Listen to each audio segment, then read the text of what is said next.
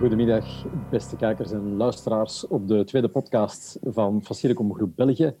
Ik ben Guy Klaas. Ik heb vandaag in onze podcast Wouter Ommeslag te gast, algemeen directeur van Facilicom Solutions. En we gaan het vandaag hebben over de impact die corona heeft op facility management. Welkom Wouter. Dag Guy, blij om hier te zijn en uh, geheel digitaal via videoconferentie, want ook wij houden ons aan de huidige coronamaatregelen. Dus doen we deze podcast per videoconferentie. Inderdaad, er, gaan misschien wat, uh, wat, technische storingen opkomen. Iedereen uh, zit momenteel op het wifi-netwerk en iedereen werkt via Zoom of andere kanalen. We gaan ons uiterste best doen om dit tot een vloeiend gesprek te brengen.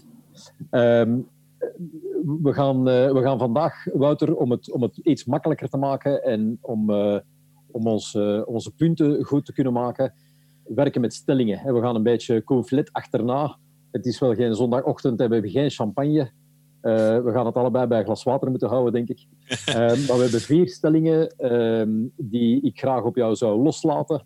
En vanuit jouw expertise als algemeen directeur en als toch Facilicom en Facility-kenner, ook als lid van eh, de raad van bestuur van IFMA, denk ik dat jij ehm, ja, je expertise zeker ten berde kan brengen. Uh, vind je het oké dat we misschien direct met de, met de deur in huis vallen? Absoluut, met veel plezier. Oké, onze eerste stelling. De digitale transformatie is een niet terug te draaien stroomversnelling gekomen. Ja of nee? Of volledig uitgediept, Wouter? Ga je gang. Wel, ik denk uh, dat die digitale transformatie absoluut in een stroomversnelling gekomen is, um, omdat de huidige omstandigheden ons gewoon dwingen om digitaal te gaan. Kijk naar deze podcast, die moeten we nu digitaal doen. Um, dus we passen ons aan. Hè. Al de vergaderingen uh, worden vervangen door videocalls. Zoom is van 1 miljoen naar 200 miljoen gebruikers gestegen in enkele dagen Mensen die dat absoluut niet gewoon waren, ehm, die dat ook niet deden, die daar misschien zelfs een beetje schrik voor hadden of zelfs afkerig voor waren, die worden door de omstandigheden nu gedwongen. En dat, dat is eigenlijk een vliegwiel, uh, waardoor ook na deze crisis nog heel veel zaken digitaal zullen gebeuren. Ook bijvoorbeeld zaken zoals cashless betalen. Veel mensen gingen nog eh, met de portemonnee eh, naar de winkel. Dat is gedaan. Men betaalt nu met een kaart of zelfs heel veel eh, digitaal met de telefoon, zodanig dat men zelfs het banktoestel niet meer uh, moet, uh, moet gaan aanraken. Online shoppen. Heel veel mensen die dat vroeger niet deden, doen dat nu wel, zodat zij toch nog de nieuwe schoenen kunnen kopen omdat de winkel dicht is. Dus ik denk dat dit een tijd zal veranderen. Ik, in, vanochtend zat ik in, in zoals je zegt, het, het dwingt ons naar, naar extreme omstandigheden. Ik zat vanochtend in een webinar met uh, Steven van Belgium. Daar waren maar liefst 700 deelnemers in die, in die webinar. En uh, Steven van Belgium die sprak van de beste digitale training ooit. De, mensen die, die in het verleden een beetje weerstand boden of, of niet open stonden om digitaal te werken, ja, die hebben nu geen keuze meer. Hè. Die, die worden daar nu inderdaad in, in betrokken. Um, als we dan daarop op inzoomen, Wouter, dat, dat, dat vraagt natuurlijk een stukje flexibiliteit uh, in, in mindset. Um, maar ja, ook flexibiliteit, denk ik, van de overheid en van, van uh, opdrachtgevers of van bedrijven. Hoe zie jij de, de stap naar 5G? En, en zie je, denk je dat daar een versnelling gaat inkomen? Of wat, wat is jouw visie daarop? Wel, ik denk uh, de discussie van 5G wordt op dit moment ook terug politiek gevoerd. Waarom? Omdat de, alle digitale applicaties om deze crisis te lijf te gaan, uh, die kunnen baat hebben bij 5G. Ik denk aan smart buildings, IoT, ook het contactloos leveren van, van maaltijden bijvoorbeeld, via drones of zelfrijdende voertuigen. Die hebben het 5G-netwerk nodig om te functioneren. Dus ik vermoed dat ehm, deze crisis toch wel de deur voor 5G misschien niet volledig opent, maar toch al op een ferme kier zal gezet hebben. Ik heb, ik heb trouwens vanochtend, mooi dat je zegt van, die, van dat rijden zonder, zonder bestuurder. vanochtend heb ik ook iets bijgeleerd daarover. In de e-commerce is er nu in China, om dan terug te spreken van de digitale training, een van de grootste e-commerce bedrijven die is gestart met de leveringen te laten doen van bestuurloze wagens die eigenlijk het pakketje bij de mensen gaan afleveren in de straten. Er is ook wat minder verkeer natuurlijk, minder kans op ongevallen, Maar ik denk dat je gelijk hebt dat, dat er nu inderdaad een, een, versnelling gaat komen, ook op dat vlak. Uh, zonder de, de beperkingen en de, en de wettelijke uh, kaders uit het oog te verliezen natuurlijk. Want 5G is niet iets dat we heel snel, zoals een, een wit konijn uit een hoge hoed kunnen toveren. Nee, mooi. heb jij er nog iets aan toe te voegen, Wouter, aan, aan onze digitale transformatie? Of denk je dat, dat we daarmee het grote plaatje hebben afgetikt? Eh, ik denk dat we het eh, grote plaatje hebben afgetikt. Absoluut. Oké. Dan gaan we misschien naar onze tweede stelling. Onze facilitaire aanpak bij huidige klanten zal tijdens, maar ook na de corona aangepast moeten worden. En ik denk dan bijvoorbeeld aan opnieuw hè, noodgedwongen digitale transformatie, uh, maar ook andere organisatiestructuur. Um, hoe dat eigenlijk de inrichting gaat gebeuren van facility. Hoe zie je dat zijn en welke trends uh, denk je dat we daar kunnen verwachten? Wel, ik denk de grote trend is natuurlijk thuiswerken. We zijn nu allemaal gedwongen, tussen aanhalingstekens, om thuis te werken. Um, dat zal na de crisis zal dat zeker iets zijn dat blijft doorwerken.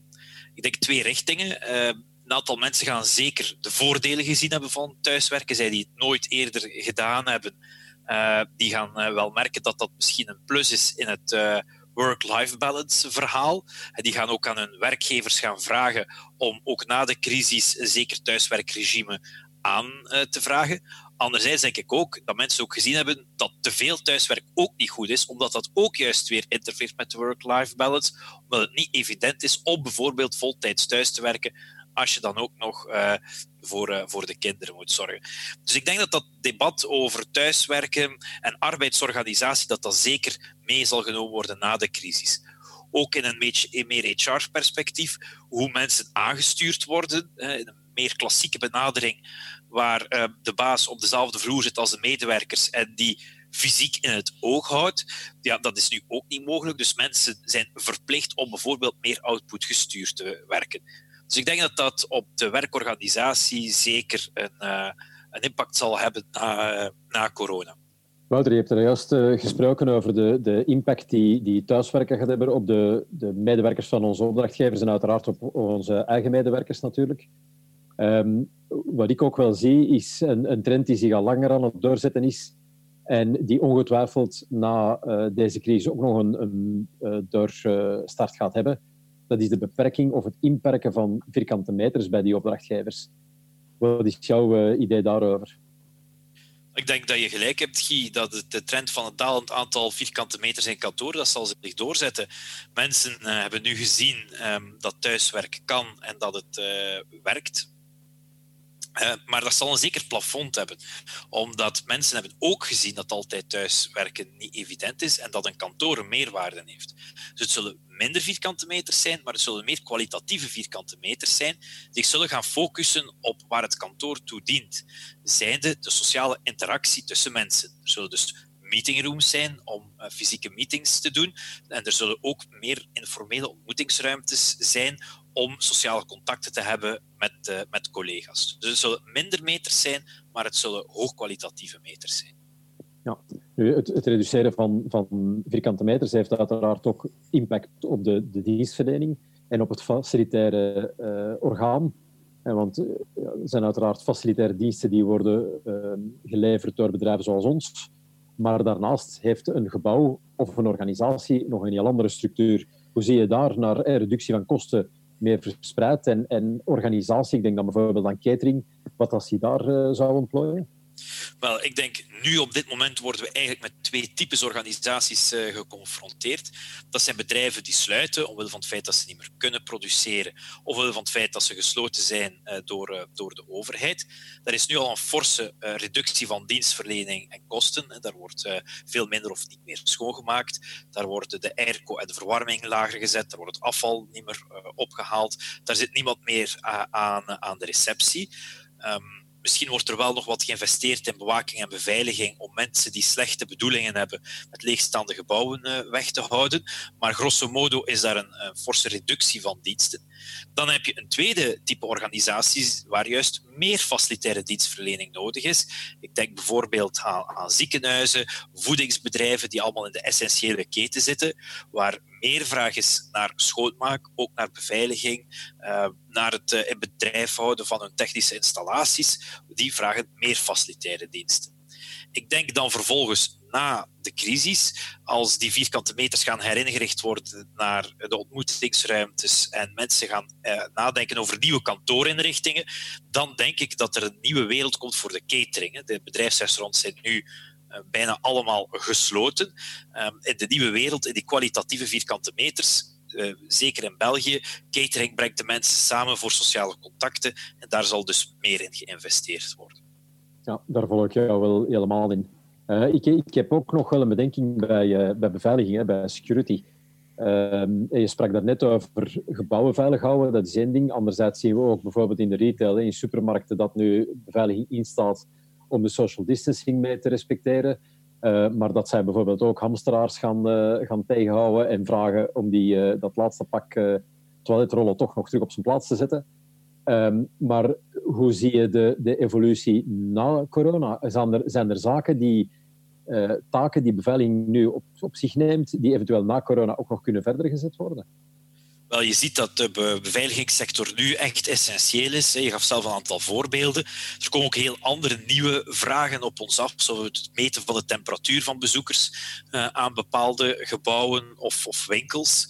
Um, ik denk dat dat toch wel een verandering met zich meebrengt. Voor de coronacrisis waren er veel mensen die zeiden, ja, fysieke bewaking met bewakingsagenten, dat is yesterday's news. Uh, de camera's, drones, detectoren en sensoren allerhande gaan de beveiliging en bewaking volledig gaan overnemen. Uh, ik denk dat we nu gezien hebben dat de menselijke factor in beveiliging en bewaking, zijnde de bewakingsagent, echt wel toegevoegde waarde biedt um, om uh, eigenlijk mensenstromen mee te organiseren en ervoor te zorgen dat mensen bepaalde dingen juist wel doen, zoals afstand houden uh, bijvoorbeeld, of een karretje ontsmetten, of bepaalde dingen juist niet doen, zoals gaan hamsteren Ehm, dus ik denk dat de menselijke rol in de bewaking een revival zal uh, meemaken uh, door deze crisis.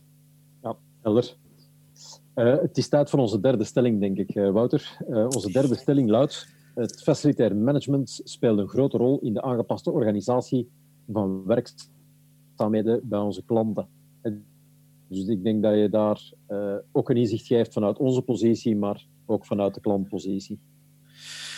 Ja, ik denk vanuit onze positie, uh, wij um, zowel naar onze eigen organisatie als naar onze klanten toe, willen de mensen de juiste informatie bieden. Dus wij volgen de zaken van FOD Volksgezondheid, uh, het Europese uh, niveau, wij volgen dat op en vertalen die richtlijnen vervolgens uh, naar de facilitaire wereld. Ehm, ik geef een voorbeeld. Welke producten moeten we schoonmaken? Welke schoonmaakprotocollen zijn er nodig om uh, COVID te bestrijden? Wat helpt en wat helpt niet? En daar proberen wij als facilitaire dienstverlener onze meerwaarde te bewijzen door de COVID-richtlijnen en informatie te vertalen naar facilitaire processen uh, bij, onze, bij onze klanten. Zie je ook, ik, ik, kan me voorstellen dat, dat in deze tijden ehm, heel veel mensen remote uh, werken. Daar hebben we het al uitgebreid over gehad. Anderzijds de, de facility manager, uh, of de facilitair directeur die verantwoordelijk is voor dat gebouw, die staat de dag van vandaag toch voor grote uitdagingen. Al dan niet uh, via Facilicom, maar, maar ze staan voor grote uitdagingen. Inderdaad, de hele facilitaire beroepscategorie staat voor grote uitdagingen. Je hebt facility managers die tien bordjes in de lucht houden om ervoor te zorgen dat hun uh, gebouw die ze beheren uh, open blijft en uh, in veilige omstandigheden kan opereren. De facility managers van ziekenhuizen, warenhuizen, productiebedrijven. dus die hebben een pak meer werk dan in, in gewone tijden. anderzijds heb je ook de facility managers van de gebouwen die sluiten. En die hebben ook meer werk, want die moeten, zoals ik eerder zei, al die diensten gaan afschalen en ervoor zorgen dat dat gebouw ook veilig blijft. Dus eigenlijk in elk van de twee scenario's staan ook de facility managers in de eerste lijn in, uh, in deze crisis. Ja, en je spreekt van veilig, Wouter. Uh, gebouwen die leeg staan. Uh, veiligheid, dan denken mensen natuurlijk, zoals Verster juist zei, aan security. Um, maar ehm, ik, ik, denk nu spontaan aan Legionella bijvoorbeeld. als, als het water niet gestroomd heeft in het gebouw, dan hebben we nog een risico op Legionella. dat is toch ook iets waar een facility manager denk ik dan weer wakker gaat van liggen. Om dat te organiseren. Inderdaad, er zijn een aantal veiligheidsaspecten, zoals Legionella.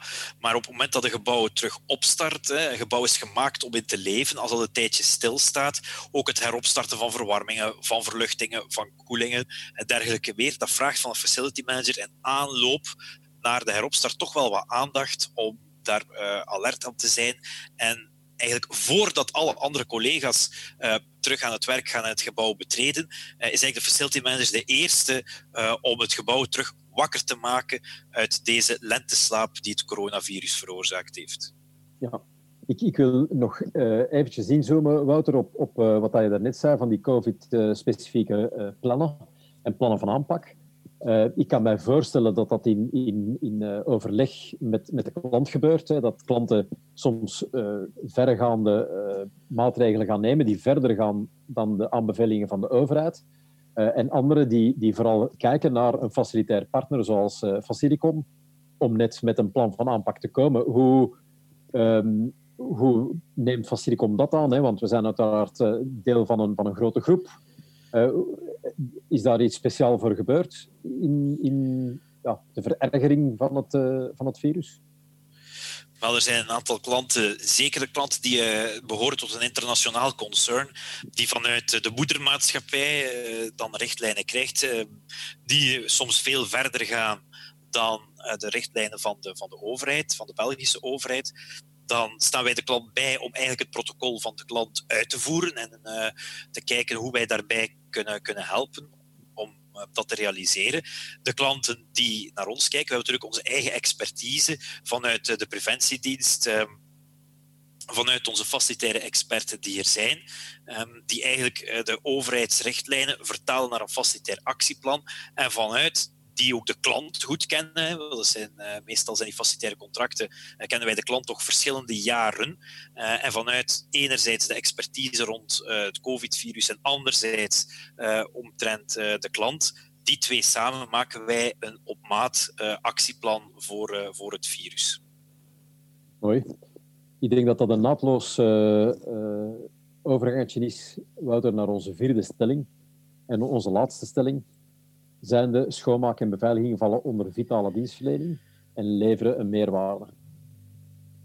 Ja, wel, ik denk natuurlijk de meest uh, vitale dienstverlening is die uh, van de zorgsector, uh, van de artsen, virologen, verpleegkundigen. Die staan echt in, de, in de frontline. Dus ik wil zeker niet gaan beweren dat de facilitaire, die, facilitaire wereld op dezelfde frontline staat. Maar wij staan er wel net achter. We zijn ook zeer blij dat de overheid schoonmaak en beveiliging als cruciale sector erkend heeft. En we zien wel heel veel uitdagingen. Bij de schoonmaak, eh, heel veel desinfecties, bijvoorbeeld voor ziekenhuizen, productiebedrijven. Uh, we krijgen vragen voor technische ingrepen, zoals het plaatsen van screens in de retail, om de social distancing um, te, mee te helpen respecteren. Het plakken van stickers op de vloer om mensen een goede voeling te geven van wat is nu anderhalve meter, uh, die social distance die ik moet houden. Over de rol van de bewaking hebben we het al uitvoerig gehad. De bewakingsagenten die de hamsteraars in, in goede orde en in goede banen moeten, moeten leiden. Ehm, dus ik denk dat de facilitaire wereld nu zeker zijn meerwaarde bewijst. Het was al langere tijd zo dat het vakgebied van facility zich aan het ontwikkelen was. Uh, er was de eerste golf was HR, de tweede golf was de ICT-wereld, nu de volgende golf is de facilitaire uh, wereld. En ik denk dat deze crisis heel veel mensen duidelijk gemaakt heeft dat facilitaire processen belangrijk zijn en uh, toch wel in deze tijden als prioritair moeten gezien worden. Ik denk dat dat heel helder samengevat is, Wouter. dank daarvoor. We, zijn waren dus aan onze laatste en, stelling gekomen. Ik denk dat we hierbij gaan afsluiten.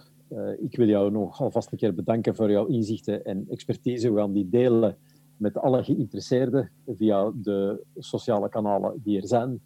ik wil ook de technische ploeg bedanken die het mogelijk heeft gemaakt om deze podcast in deze bijzondere tijden te faciliteren. En wij zien elkaar heel snel binnenkort terug. Met nog een blaf van de hond op de achtergrond. Absoluut, Met veel plezier gedaan. Oké, tot binnenkort, Wouter. Dag,